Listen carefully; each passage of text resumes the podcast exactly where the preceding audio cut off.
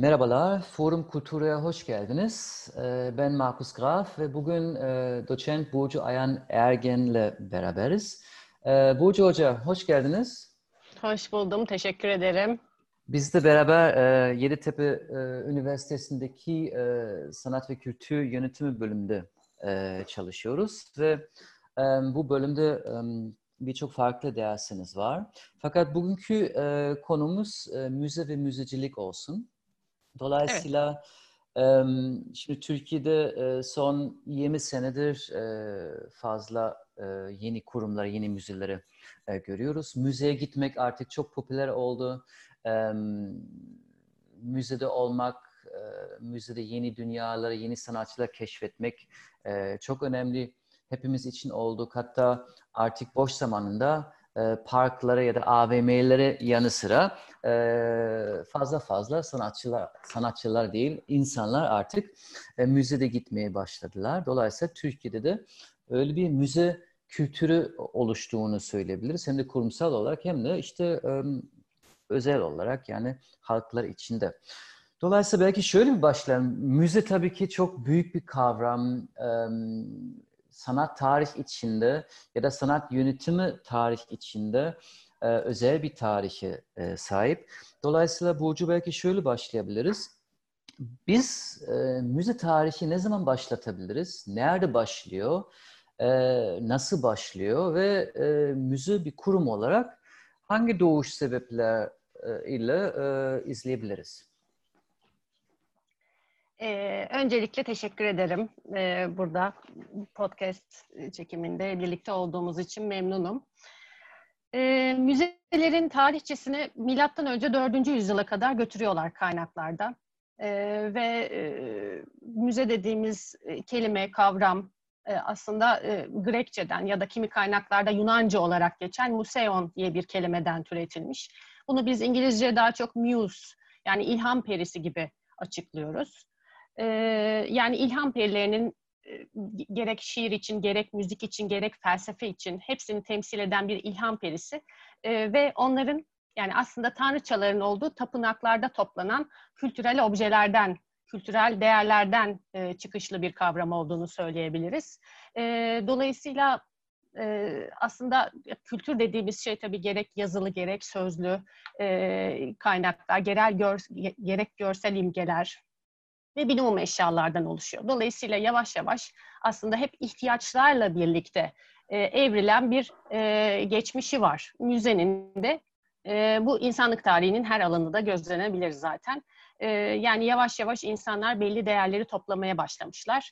E, koleksiyonlar oluşturmaya başlamışlar. Bunların önemli olduğunu ve bir şekilde bir yerde korumak gerektiğinin farkına varmışlar. E, dolayısıyla kültürel değerlerin toplandığı bir mekan olarak düşünebiliriz müzeleri ve e, ilk başta bu milattan öncelerine kadar dayanıyor.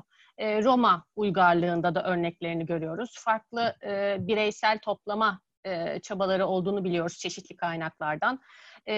ve en başta da zaten toplamayla başladığını söyleyebiliriz. Çünkü zaten müzenin görevleri içerisinde toplama, e, saklama, koruma, sergileme gibi e, ilk dörtle başlayan e, bir gidişat söz konusu. Sonradan Tekrar on, on, onlara söyleyeyim Bu müzenin görevleri evet. aslında çok güzel özetlediniz. Ne dediniz? Toplama, evet. sergileme? Toplama, saklama, koruma ve sergileme. Hı hı. E, ve 20. yüzyılda da buna aslında minimum küratörler ve sanat tarihçilerinin tespitleriyle ve e, artık hani eklenmesi gerekiyor e, denmesiyle birlikte eğitim de eklenmiş durumda. E, zaten İKOM'da son yani International Community of Museums dediğimiz o e, müzeler birliği de e, Uluslararası Müzeler Derneği de e, gayet e, son yıllarda yine müzeciliğin yani çağdaş sanat müzeciliğinin e, içeriğini belli tanımlarla yeniliyorlar, eklemeler yapıyorlar. Çünkü her geçen sene değişiklikler oluyor. E, bu pandemi bu konu, sürecinde de mesela değişiklikler oldu zaten mecburen. Bu konuda ee, aslında bu geleneksel görevle yanı sıra e, özellikle 1980-90'dan sonra sanki entertainment yani eğlence e, bu müzenin yeni görevlerden birisi e, oldu. Ne dersiniz bu konuda? Evet kesinlikle ve hatta zaten benim aslında bugün seçtiğim belli kurumlar içerisinde de e, özellikle bu eğlence yönünün yani sosyalleşme e, yönünün e, önceden görüldüğü bazı kurumlar bunlar. Yani e, öngörüleri doğru e, ve bunu 1970'lerde yapıyor olmaları güzel. O yüzden böyle bir iki kurum e, seçmeye çalıştım. E, yani sadece bilgi veren bir kurum olmaktan artık dışarıya çıkıyor, çıkmak zorunda. Ve bu zaten 20. yüzyılda fark edilmiş ve buna yönelik e, yeni mekanlar açılmış. Şimdi 20. yüzyıla gelmeden önce belki şey e, biraz konuşalım. Yani e, dediğiniz gibi aslında antik çağda artık e, müze diye bir kavram ortaya çıkıyor ve e, belli görevler üstleniyor ama asıl yani günümüzde gördüğümüz e, müze tipi e, mekan olarak ve kurum olarak aslında 18. yüzyılında e, bir gelişme hatta adeta bir patlama yaşanıyor. Yani bir tarafta Louvre baktığımızda işte British Museum baktığımızda ya da birçok farklı müzelere Fridericianum gibi baktığımızda aslında 18. yüzyılında işte sanayileşen, kentleşen ve belli devrimleri yaşayan toplumlarının ortasında olan ve önemli olan bir kurum olarak değerlendirebiliriz. Yani bu konuda evet. ne, ne düşünüyorsun? Neden yani bu müze ve toplum ilişkisi tam o dönemde nasıl ortaya çıktı? Ee, aslında 18. yüzyıla da gelmeden mesela milattan önce yine hala İskenderiye Müzesi, Bergama Müzesi gibi e, yapılardan, e, kurumlardan ya da oluşumlardan bahsediliyor. Fakat İskenderiye Müzesi yangına uğramış, e, bir yangın geçirmiş ve günümüze kalamamış. Öyle önemli bir birikim ve değer e, söz konusuymuş ki aslında bazı kaynaklarda belki Avrupa'daki Orta Çağ'ın e, bile o şekilde karanlık bir dönem olmayacağı eğer o müze var olmaya devam etseydi söyleniyor. E, dolayısıyla böyle çok farklı kurumlar var ve bunların evet hani sürekliliği günümüze kadar e, birbirlerini etkiliyorlar bir zincir gibi. E, bu açıdan çok önemli. E, ben dinin de çok önemli bir faktör olduğunu düşünüyorum. Yani özellikle Hristiyanlık yani imgeyi reddetmeyen, kabul eden e, dinin de e, her ne kadar sanata bir araç olarak kullansa da e, yani görselliği bir eğitim modeli olarak kullansa da e, yine de e, sanat yani sanatçıların önünü tabii ki kapatıyor yer yer yani dogmatizmi falan katmıyorum işin içerisine ama toplama anlamında, biriktirme anlamında mesela Vatikan müzelerinin de etkisi vardır aslında. E, 17. yüzyıldan da önceye gidecek olursak. Ya da işte özel koleksiyonlar, işte kabine nadire falan gibi şeyler de tabii arada söylenebilir. Ama mesela Mediciler, e, örneğin Uffizi Galeri'nin de temelleri aslında e, 1500'lü yıllarda yani 16. yüzyılda atılıyor aslında ama tabii ki onun bir müze olması çok daha sonrasını buluyor. Ama dediğiniz gibi 18. yüzyıl bir patlama aslında sanat tarihinde, müzecilik anlamında. Çünkü işte mesela bir British Museum örneğini verebiliriz 1753. E, ondan sonra bir National Gallery örneği verilebilir arada halka açılış anlamında e, Uffizi Galeri'nin mesela 1765 olarak kaydedilmiş. E, dolayısıyla bu tarz kurumlar, mesela Fransa'daki Louvre Müzesi 1793 yılında yani Fransız ihtilalinden sonra e, o müzenin, daha doğrusu saray binasının müzeye dönüştürülmesiyle oluşturulan bir yapı, bir kurum. E, dolayısıyla bunlar aslında hep yavaş yavaş e, sadece koleksiyonların, koleksiyoncular ve çevresi ya da işte saray halkı tarafından izlenecek bir e, değer olmadığı, tam tersi halka da kamuya da açılması gerektiğinin fark edilmesiyle yavaş yavaş açılıyorlar. Hatta British Museum ilk 50 sene yarı açık bir şekilde e, kullanılmış yani randevulu bir sistemmiş e, yanlış bilmiyorsam kaynaklardan okuduğum kadarıyla ve e, herkes her an gezemiyormuş. Sonradan tamamen açılabilmiş. O zaman ee, aslında şey de diyebiliriz yani müzenin tarih boyunca ya da en azından 18. yüzyıldan sonra açılan kurumlarının e, sanatın yaygınlaşması hatta sanatın demokratikleşmesi için önemli bir e, görevi var ve önemli bir fonksiyonu. Evet kesinlikle yani e, sanatın özgürleşmesi, demokratikleşmesi e, anlamında çok önemli bir e, yeri var. E, çünkü değerleri aslında insanlar hem farkına varıyorlar hem görüyorlar, geçmişlerini tanıyorlar zaten e, bu anlamda o biriktirme çok önemli. E, hani o dört görev içerisinde yerini alan o saklamanın e, önemi bu noktada çıkıyor. E, dolayısıyla e, geçmişini biliyor ki e, şu anda önemli olabilecek şeylerin de e, toplanabileceğinin farkına varıyor. E, ve geleceğini e, yani geleceğe miras bırakıyor aslında. Kültürel miras dediğimiz şey böylece e, birikmiş oluyor müzelerde. Tabii ki o dönemde belki şey de altını çizmemiz gerekiyor. Çünkü biraz sonra Türkiye'deki duruma bir, bir göz atalım. Ee, saydığınız kurumlar hepsi devlet kurumları. Yani aslında orada şeyi de görüyoruz. Yani ya devlete ya da eyalete ya da işte şehire ait olan e, müze e, o bölgede yaşayan insanları için e, bir iyilik olsun, eğitim eğitim amacıyla e, yapılmış olan bir kurum e, olarak değerlendirebiliriz. Dolayısıyla oradaki devletinin sanat ve kültür politikası içinde çok önemli bir kurum olarak müze değerlendirebiliriz değil mi?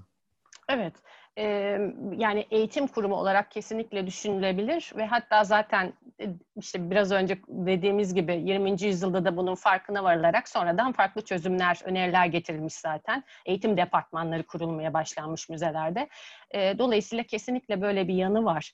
E, ve kar amacı değil müzeler. E, ilk baştan beri böyle ve hatta İKOM'un son yıllarda yine bu tanımı değiştirmesinde de bunu özellikle vurguluyor. Kar amacı değil, gütmez diyor e, katılımcıdır diyor. Yani kamuya teşvik eder içeri girmeye, çağırır, saydam olmalıdır diyor ki bu saydamlık kelimesini özellikle e, dikkatimi çekti. Çünkü mesela biraz sonra değineceğimiz kurumlardan biri Pompidou Merkezi ve onun da ilk kuruluş amacı daha mimarisinden saydamlığı vurgular. Hmm. E, o açıdan da hani e, güzeldir İKOM'un yine bunu tekrar etmesi. Sosyal adalete, küresel eşitliğe e, özellikle vurgu yapan bir e, yeni tanımı var, müzecilik tanımı.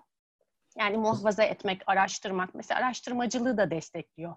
Çünkü e, araştırma yapmak, yayın yapmak, e, eğitim yönünü de işte bunlar e, destekleyen zaten e, kelimeler, vurgular.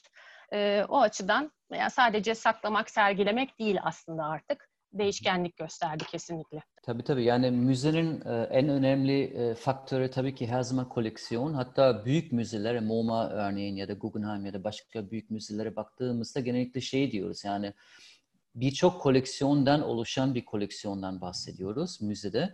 Ama tabii ki dediğiniz gibi 1970'ten sonraki açılımla beraber ve daha çok işte demokratik, daha şeffaf bir kurum olmakla beraber artık geçici sergilere, geçici faaliyetlere, eventlere, işte workshoplara, eğitim bölümlerle beraber çok daha halka açık olan dinamik bir kurum aslında olmaya başladı. Daha önce belki müze çok fazla değişken ya da çok fazla dinamik daha değil, daha statik bir kurum olmaktan ziyade günümüzde hakikaten müze oldukça dinamik bir yapı.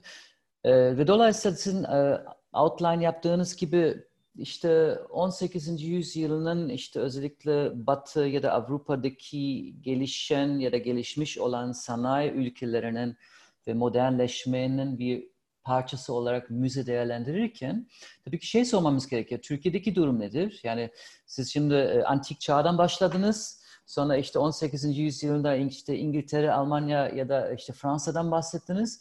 E, Türkiye'deki durum e, nedir? Ne zaman başladı ve nasıl ilerledi? E, onlar da devlet taraf, tarafından mı yoksa özel kişilere ait e, kurumları? Türkiye'deki durum nasıl?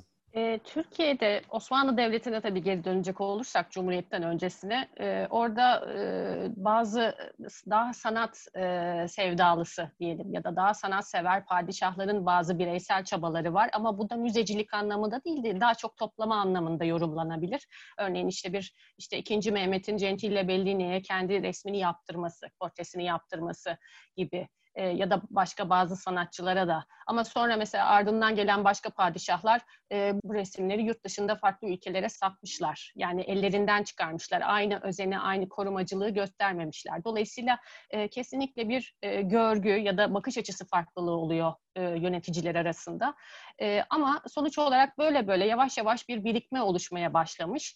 E, ve sonrasında tabii işte Beyli Sadrazamların, e, örneğin Ahmet Fethi Paşa e, gibi bir devlet adamının e, yavaş yavaş e, Ayayerini binasında e, işte gerek silah koleksiyonu gerek e, farklı kültürel değerleri toplamasıyla yani en azından biriktirmeye başlamasıyla yani bunun öneminin farkına varmasıyla ki bunu bir kültür politikası olarak da düşünebiliriz. Çünkü e, yani Osmanlı bu konuda diğer Avrupa her ne kadar henüz Avrupa'da değerlendirilmiyor olsa da e, diğer ülkelere göre çok geri planda. Böyle bir şey yapması gerektiğinin farkında.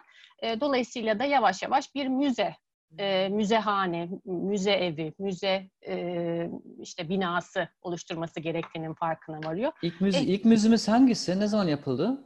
E, ilk müzemiz Müze-i Humayun olarak geçiyor. E, İmparatorluk Müzesi olarak da değerlendiriliyor e, ve işte 19. yüzyıl e, olarak karşımıza çıkıyor. Tabii ki yani mesela 1869 yılından bahsediyoruz bu noktada ama e, o ara mesela bazı asker ressamların örneğin 1872'de e, Şeker Ahmet Paşa'nın ilk kişisel resim sergisi filan kaynaklarda çok geçer zaten sık konuşulan bir şey. Ya da işte Osman Hamdi gibi başka e, sanatçıların e, açtığı ilk sergiler e, dikkat çekici. E, Müze-i Humayun da yavaş yavaş e, kendi koleksiyonunu geliştirmiş e, ve örneğin işte mesela ilk başta e, Ayı Ernik Kilisesi'nden o koleksiyon işte taşınıyor ve Lahitler Müzesi dediğimiz şu anda e, arkeoloji müzesi olarak geçen İstanbul Arkeoloji Müzesi olarak geçen e, binaya e, taşınıyor. İşte yabancı müdürleri, Gould, Valuri gibi böyle farklı farklı e, isimlerle karşılaşıyoruz. Ve, ve dolayısıyla e, bu insanlar da gerek yani küratör diyelim, gerek müze müdürü diyelim. Yani ülkemizde çok küratör kelimesi hemen tabii ki teşhir edilmiyor, e, fazla e, kullanılmıyor ama koleksiyonu geliştirmeye başladıkları için yavaş yavaş mekanı da arttırmak, mekan eksikliği hmm. doğmuş ve ek binalar e, konulması gerekmiş haliyle. Ama bu büyüme güzel yani en azından bir birikim sağlanmaya başlamış. Yasalar, tüzüklerde e, minimum organizasyonlar, eksikler fark edilmiş. Yasaların konulması gerektiğinin farkına varılmış en azından. Dolayısıyla hep aslında ihtiyaçlar doğrultusunda oluşturulan yeniliklerle karşılaşıyoruz. Mesela Osman Hamdi Bey'in bu, bu noktada tabii ki çok büyük yeri var Türk müzeciliğinde. E, gerek müze müdürü olarak gerek e, farklı noktalarda çok çok disiplinler arası çalışan, e, o dönemin en azından bu açıdan ele alınabilecek bir karakteri. Şöyle güzel e, orta çıkarttınız. Biraz e, yani aslında müze ya da müzecilik tarihten önce aslında koleksiyonerlik tarihi başlıyor. E, yani ilk olarak insanları çeşitli sebeplerden dolayı ya da ihtiyaçlardan dolayı ya özel olarak ya da işte bazı devletleri hakikaten ilk olarak değerli eserler, tarihi eserler, ardından işte sanat eserleri toplamaya başlıyorlar ve ondan sonra bu koleksiyon için bir ev, bir kurum, bir müze e, kurulmasına ihtiyaç duyuyor. Batı'da öyle, Türkiye'de de öyle dediğiniz gibi. E, ve 1800'lerin sonunda yani 19. yüzyılın sonunda işte arkeoloji müzesi olsun, deniz müzesi olsun gibi e, kurumları ortaya çıkıyor. Fakat bizim ilk e, sanat müzesi dediğimiz müze tabii ki e, daha sonra açıldı. E, Cumhuriyet'in ilk dönemlerinde e, İstanbul Resim Heykel Müzesi ya da Ankara Resim Heykel Müzesi'nden de belki bahsedebiliriz. Bu konuda ilk Cumhuriyet dönemindeki müze ve müzecilik anlayışından bahsedebilir misiniz biraz? Tabii ki. İstanbul Resim Heykel Müzesi 1937 yılında halka açılan bir mekan. Atatürk'ün e, çabalarıyla e, hatta e, vekillerine bile e, eser alın e, diye teşvikiyle, e, yönlendirmesiyle yani minimum zaten sanatçılara da yurt dışına yol, yollatacak şekilde burslar bağlanmasını sağlayan e, ileri görüşlü bir şahıstı bu anlamda. Sanat anlamında da yine ülkeyi geliştirmeye çalıştığını söyleyebiliriz. Özellikle ne diyebiliriz? Neden mesela Mimar Sinan, daha doğrusu eski adıyla Güzel Sanatlar Akademisi'ne e, verildi bu görev? E, çünkü aslında Güzel Sanatlar Akademisi yani günümüzdeki Mimar Sinan Güzel Sanatlar Üniversitesi'nden bahsediyoruz. E, Türkiye'nin ilk sanat kurumuydu. Dolayısıyla e, daha fazla bir seçenek olmadığı için e, onların bu noktada öncü bir rolü alması yani daha doğrusu onlara bu rolün e, verilmesi e, çok doğal. E, çünkü içinde sanatçıların olduğu hatta bursla gönderilen o insanların geri gelip o kurumda hoca olmaları biraz da buna neden olan e, şeydir. Dolayısıyla Güzel Sanatlar Akademisi'ne e, bağlı bu e, İstanbul Resim Heykel Müzesi e, koleksiyonu zaten biraz da kaynağını o Elvah e, Nakşiye koleksiyonundan alır. Bu koleksiyonun içerisinde asker ressamlar da görürüz. E, yani 1980'lere 90'lara kadar gelen bir koleksiyonu var. E, 2000'lerden bile yavaş yavaş kazandırılmaya çalışılmıştı. Ama tabii şu an göremiyoruz, izleyemiyoruz ne yazık ki. E, keşke izleyebilsek. Ama koleksiyon oldukça kapsamlı bir koleksiyon. Tarihimizi gösteriyor. Bu açıdan da Cumhuriyet'in ilk sanat müzesi olarak e, değerlendiriyoruz. O zaman aslında şeyde e, orada da bir paralellik görüyoruz. Yani yani 200-250 senelik bir gecikme olsa da Batı ile karşılaştırdığımızda 1937'den itibaren devlet politikası içinde ya da devletin sanat ve kültür politikası içinde çok somut olarak işte müze politikalarını e, görüyoruz ve onun sonunda dediğiniz gibi İstanbul'da başlamak üzere ama e, çeşitli yerlerde işte Mersin, İzmir ve başka yerlerde e, devlet e, müzeleri açıyor ve devletinin koleksiyonundaki yapıtları artık orada sergileniyor. Tabii ki günümüzdeki bu müzelerinin hem koleksiyon açısından hem de mekan açısından hem de yönetim açısından büyük sorunları var. Onu zaten biliyoruz. Belki onu sonra da konuşacağız. Ama aslında şeyi de görebiliriz. Yani 1950'den sonra yani işte tek partili dönemden sonra özellikle müze konusunda devlet sanki geri çekilip işte başka alanlara işte faaliyet gösterirken bu boşluk artık özel şahıslar ya da işte vakıflar, şirketler ya da özel sermaye üstleniyor ve günümüzdeki müzelere baktığımızda yani 2000'den sonraki müze patlamasını baktığımızda işte Sabancı olsun, İstanbul Modern e, ya da Pera Müzesi'ne baktığımızda bu müzeler hepsi aslında vakıflara ait.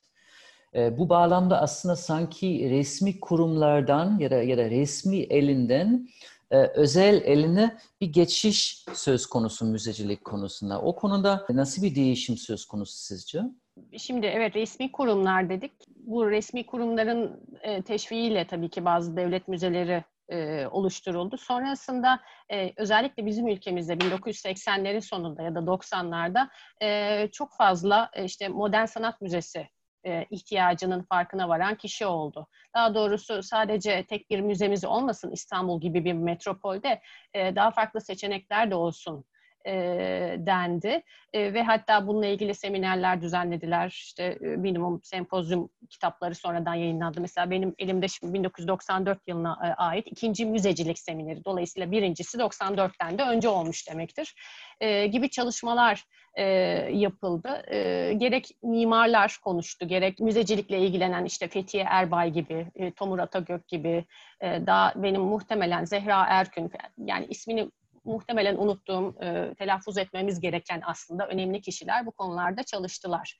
E, ve e, yavaş yavaş işte özel koleksiyonlar da aslında müze yapabileceklerini ve bu şekilde hatta e, hem sanata destek olup hem de isimlerini gösterebileceklerini fark ettiler. E, yani bunu biraz işte markalaşma, sponsorlukla falan bile iliş, ilişkilendirebilirsiniz. Dolayısıyla e, özellikle 2000'de bir patlama oldu e, bizim en azından İstanbul ve Türkiye için konuşacak olursak. E, o aralıklarda neler açıldı? Etnografya müzeleri ve arkeolojik müzeler, e, arkeoloji müzeleri daha ağırlıktaydı Türkiye'de. Hani yine devletle ilişkili bir şekilde sanat müzesine ek olarak e, her yerinde, birçok farklı şehrinde etnografya ve arkeoloji müzeleri açıldı Türkiye'nin. E, ama sanat müzesi anlamında özellikle e, 2000 herhalde bir kırılma noktası olarak değerlendirilebilir. Çünkü sonrasında e, işte sırasıyla İstanbul Resim Heykel Müzesi'ne 1937 dedik. E, mesela Sabancı 2002'de açıldı. Ee, onun dışında işte Pera 2005'te açıldı. Ve yine İstanbul Modern de 2005'te açıldı. Bunlar işte Sabancı evet özel.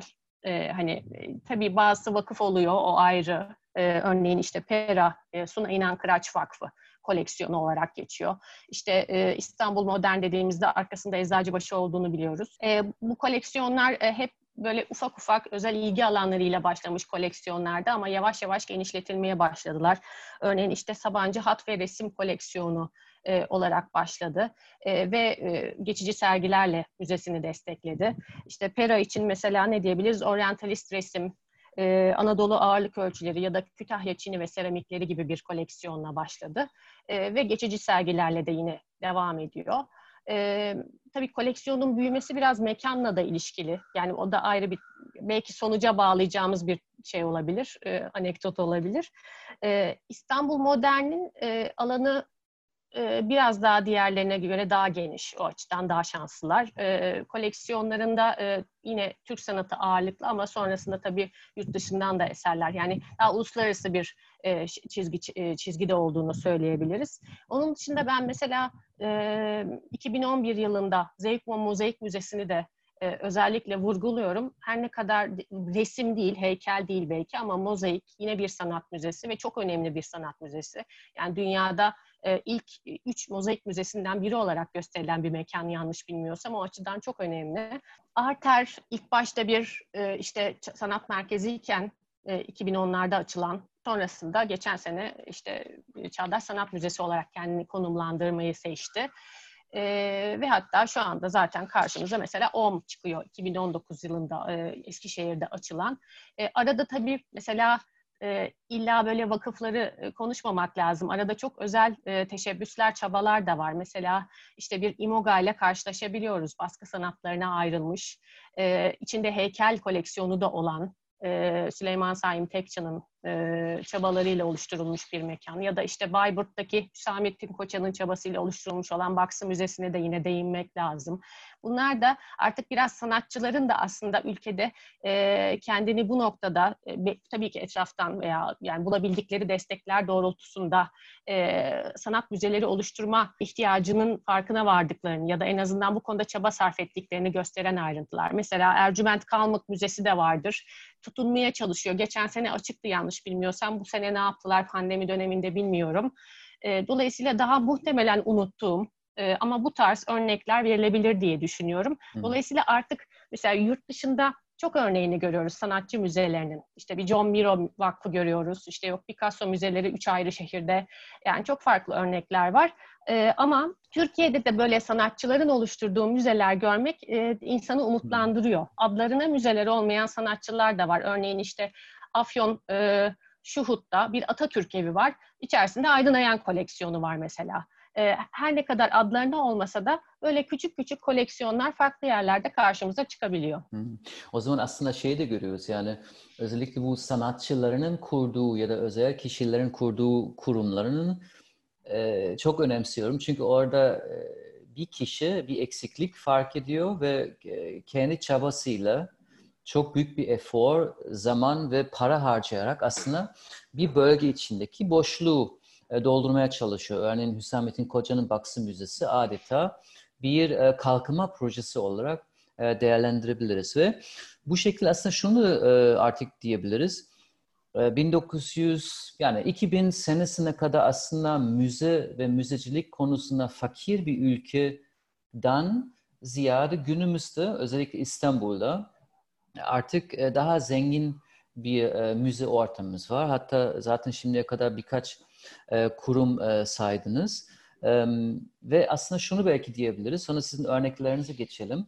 E, günümüzde artık üç tane e, farklı müze tipimiz var. Bir tarafta işte devlet müzelerinin faaliyetlerine devam ediyor. Hatta şimdi Resim Heykel Müzesi yeni mekanı taşınacak Antrepolar'da Karaköy'deki e, mekanı. Dolayısıyla devlet müzelerimiz var, vakıf müzelerimiz var. Birkaç tane e, şimdiden saydınız. İşte Pera, Arta, işte İstanbul Modern vesaire. Ve öbür tarafta özel müzelerimiz de var. Bu özel müzeleri tekrar ikiye bölebiliriz. Bir tarafta dediğiniz gibi bazı sanatçılar müzelerimiz var. Örneğin işte Doğan Şahin Müzesi örneğin. Öbür tarafta e, koleksiyoner müzelerimiz var. Örneğin Elgis Müzesi ya da Evliyagil e, Müzesi.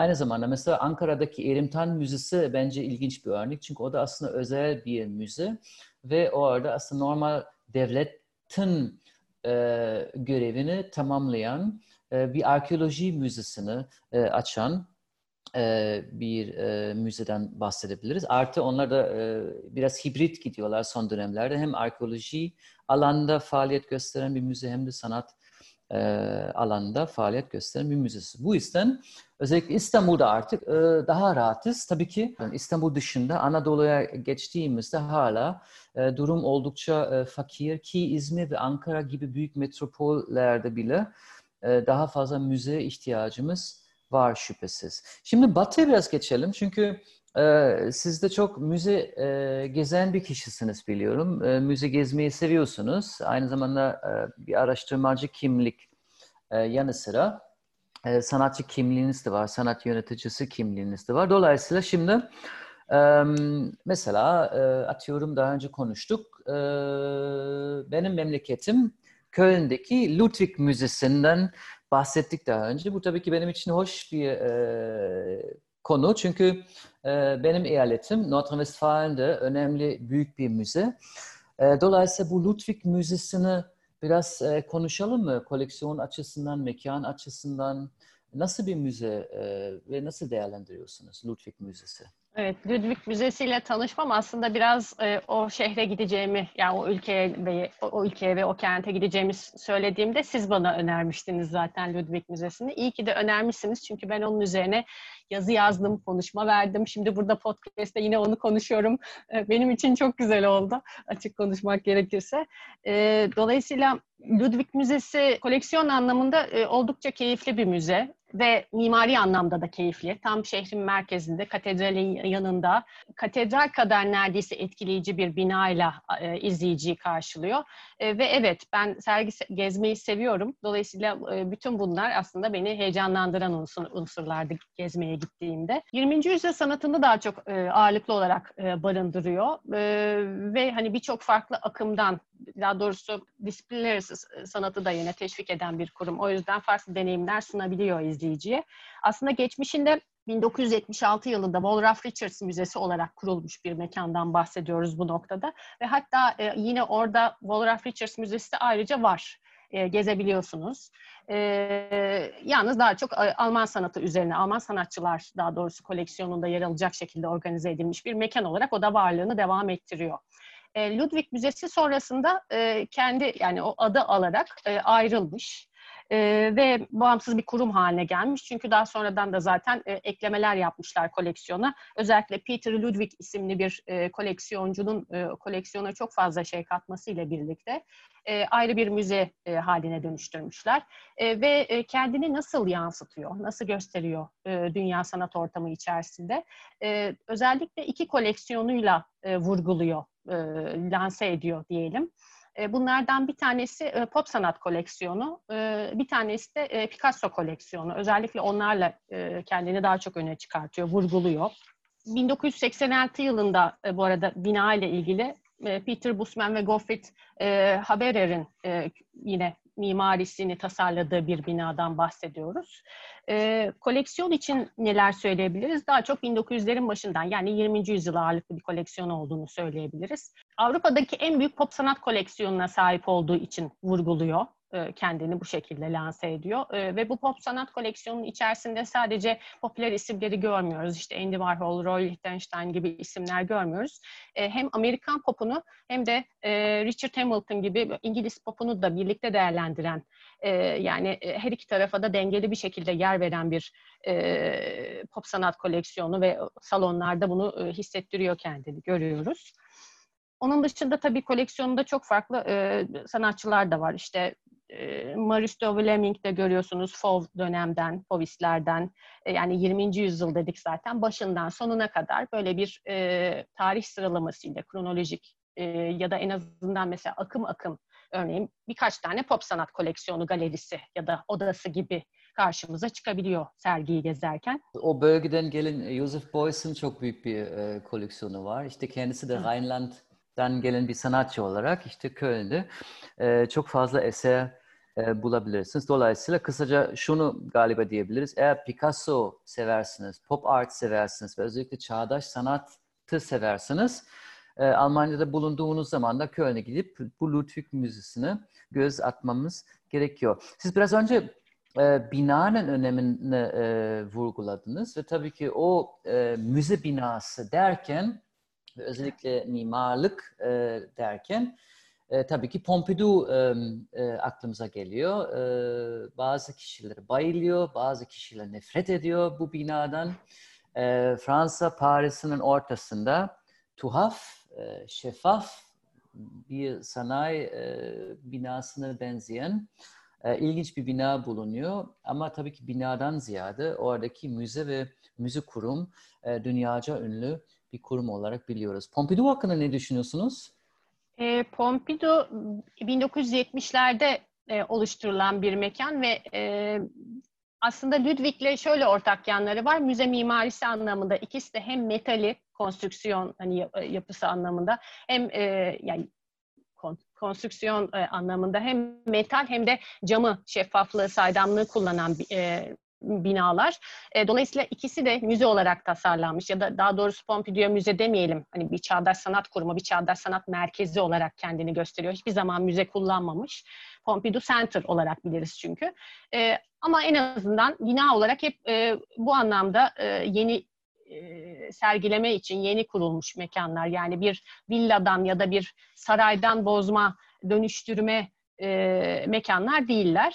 E, Pompidou özellikle kendini e, şeffaflık, geçirgenlik yani saydamlık, işte değişime, dönüşüme açık olma gibi fikirlerle e, yansıtan bir mekan. Zaten bir yarışma düzenlemişler. E, bu yarışma sonunda hani mimarlarını tespit etmiş e, ve e, mimarlar da buna yönelik çalışmışlar, tasarım yapmışlar. Şehrin merkezinde gerçekten çok farklı bir çizgi çekiyor. E, yani yadırgayabiliyorsunuz ilk gördüğünüzde çünkü o Fransız işte apartmanlarının evlerinin arasında birdenbire mahallenin ortasında bir meydanda e, böyle oldukça farklı bir yapı çıkıyor karşımıza. E, ben ilk gezdiğimde 2005 yılıydı.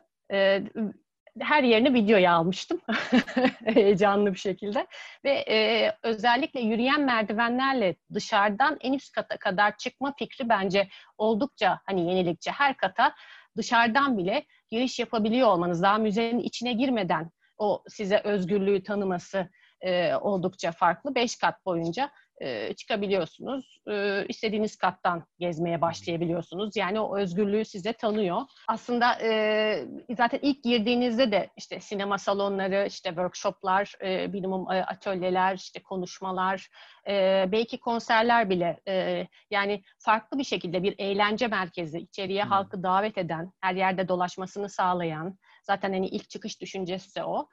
o şekilde e, ağırlayan bir mekan. Dolayısıyla o müzeciliğe eski o bakışı hani e, sadece bilgi merkezi ve sessiz olmalıyız e, bakışını kıran e, orada işte e, araştırtan, yaşatan e, bir şeyi var, çizgisi var. Ve hatta ben şeyle de benzerlik e, kuruyorum bazen e, o Pompidou'nun ilk giriş katı o kadar böyle özgür ve rahat ki hani halkın içeride dolaşabildiği ne yapsak sinemaya mı gitsek yok bugün workshop'a girelim yok hadi sergi gezelim gibi o rahatlığı tanıyan alan aslında mesela Tate Modern'deki e, Turban Hall'la da e, bağlantı kura, kurulabilir. Çünkü orası da üstü kapalı bir sokak mantalitesinde hani bir kamusal alan mantalitesinde oluşturulmuş bir alan.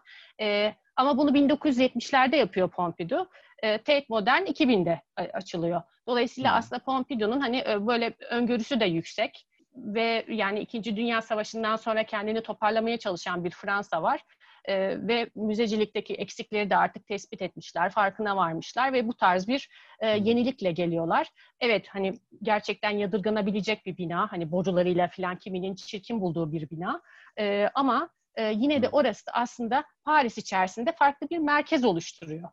Ve tabii ki şey de e, önemli yani hakikaten yani müze ya da müze binası ve mimarlık arasındaki ilişki çok önemli. Yani e, klasik ya da eski e, müze binalara baktığımızda e, sık sık bir tapınağa benzeyen e, binalardan bahsediyoruz. İşte Fritricianum öyle ya da işte e, Louvre e, eski saray binası olarak işte belli bir görkemlik ya da işte hakikaten dışarıdan görüyorsun ki bu normal bir bina değil, kutsal bir bina, tinsel bir bina, görkemli bir bina, önemli bir bina diye e, e, anlıyorsun dışarıdan. Fakat ikinci bin, e, yani 1970-80'den sonra hakikaten özellikle mimarlık konusunda ve mimari tasarım açısından çok cesurca olan örnekleri bulabiliriz. İşte dediğiniz e, Pompidou ya da işte Ludwig e, bu konuda önemli örnekleri. Pompidou zaten e, postmodern mimarlık tarihi içinde önemli bir örnek olarak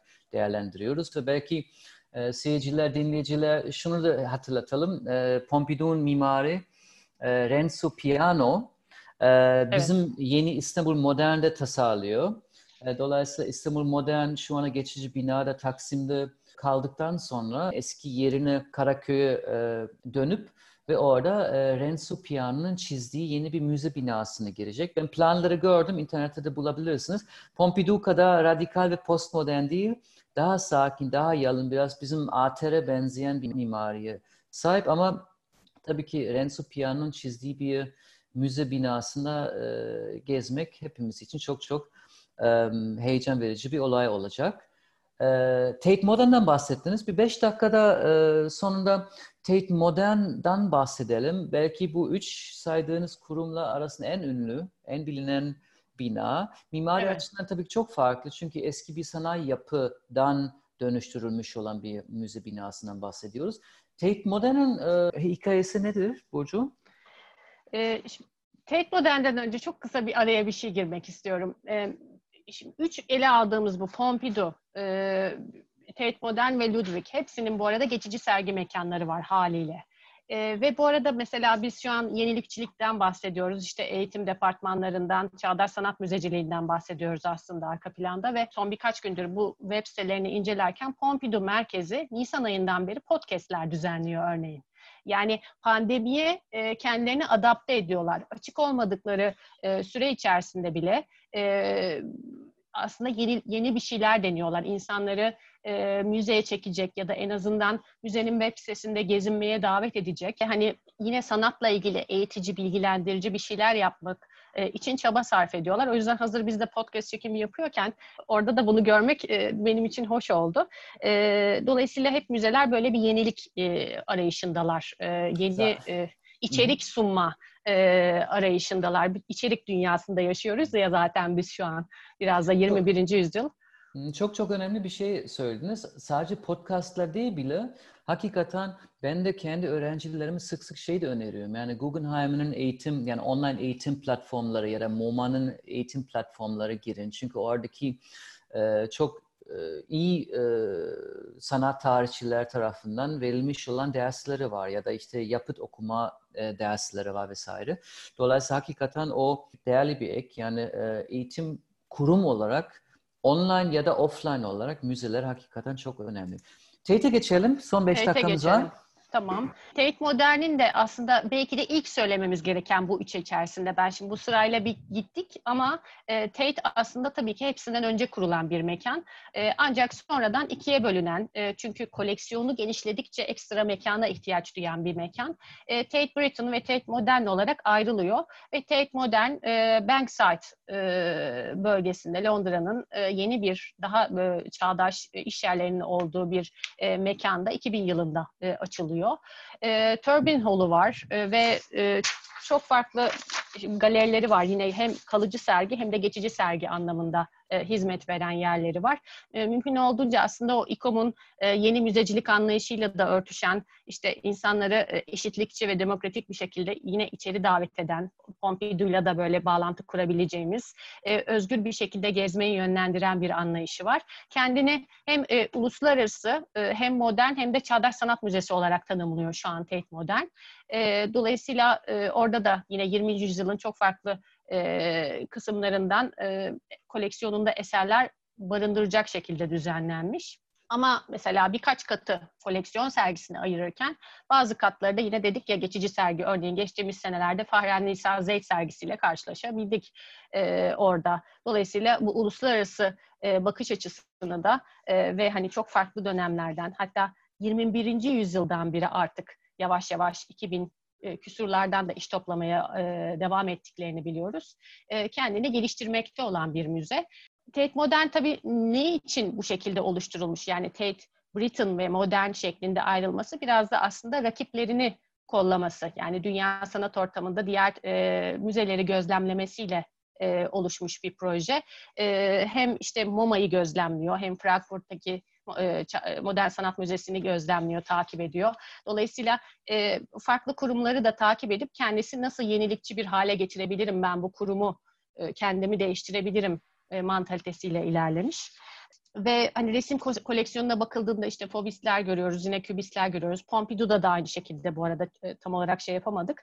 Fütürist sanatçılar da görüyoruz. onun dışında işte Piet Mondrian'dan da görüyoruz.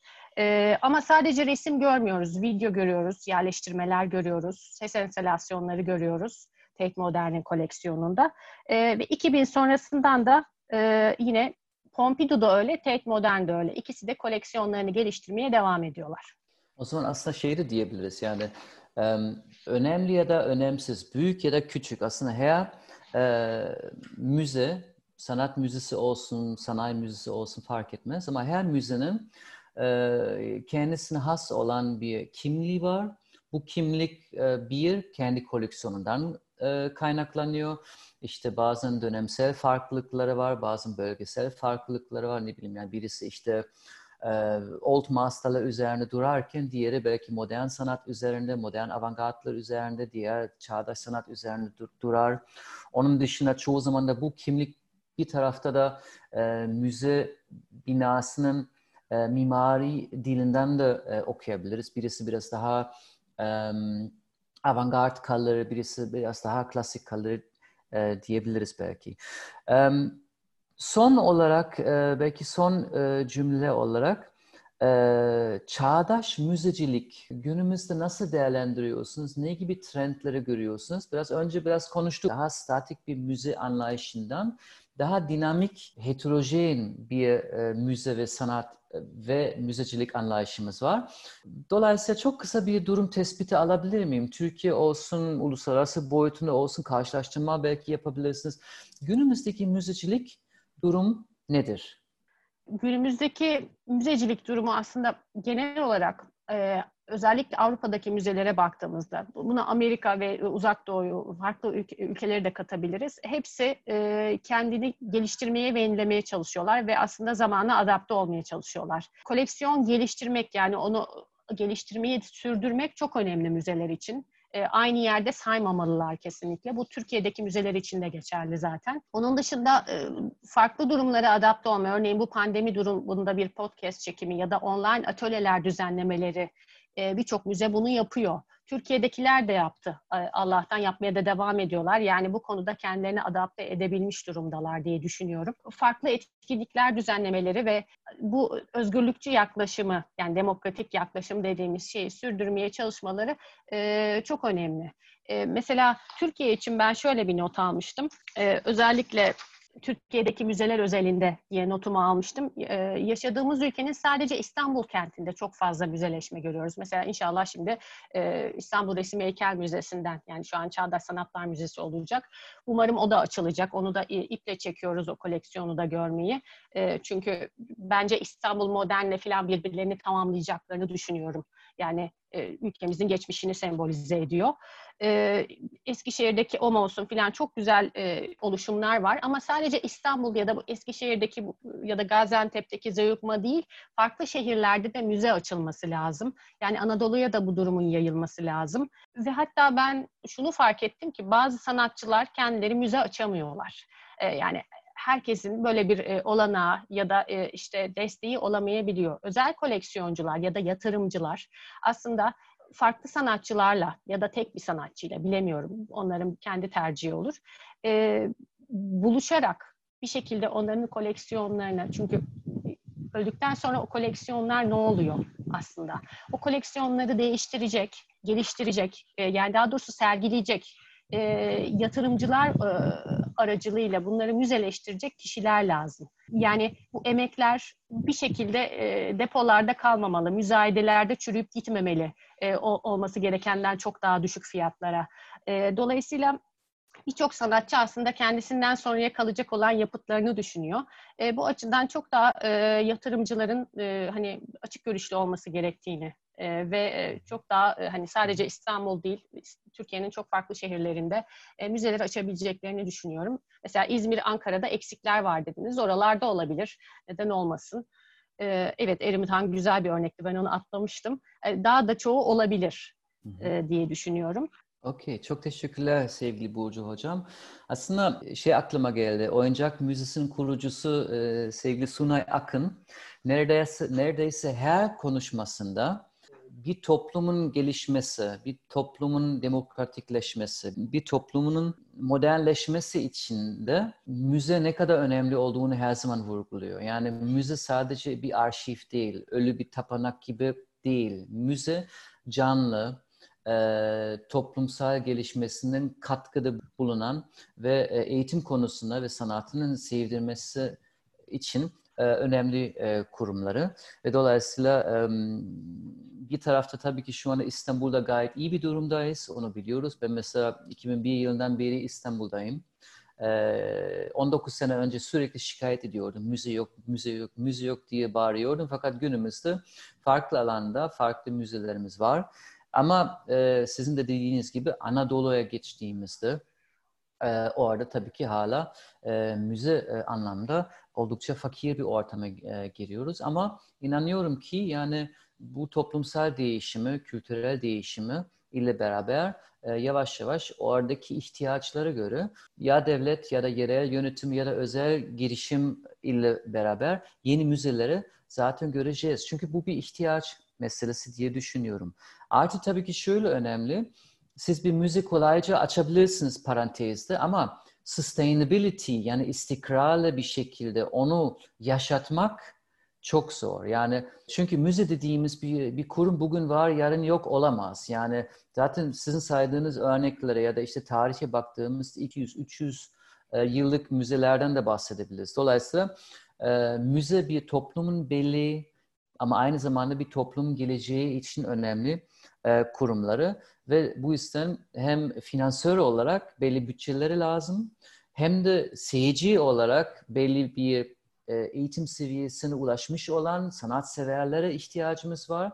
Ve tabii ki bu müzede etkin bir şekilde çalışabilecek e, yöneticilere ve çalışanlara e, ya ihtiyacımız var. Ki yani günümüzde sanat ve kültür yönetim bölümlerimiz var. Hem Yeditepe'de hem de başka kurumlarda. Dolayısıyla günümüzde de bu kurumlarda çalışabilecek aslında çok yetenekli ve genç elemanlarımız da da var.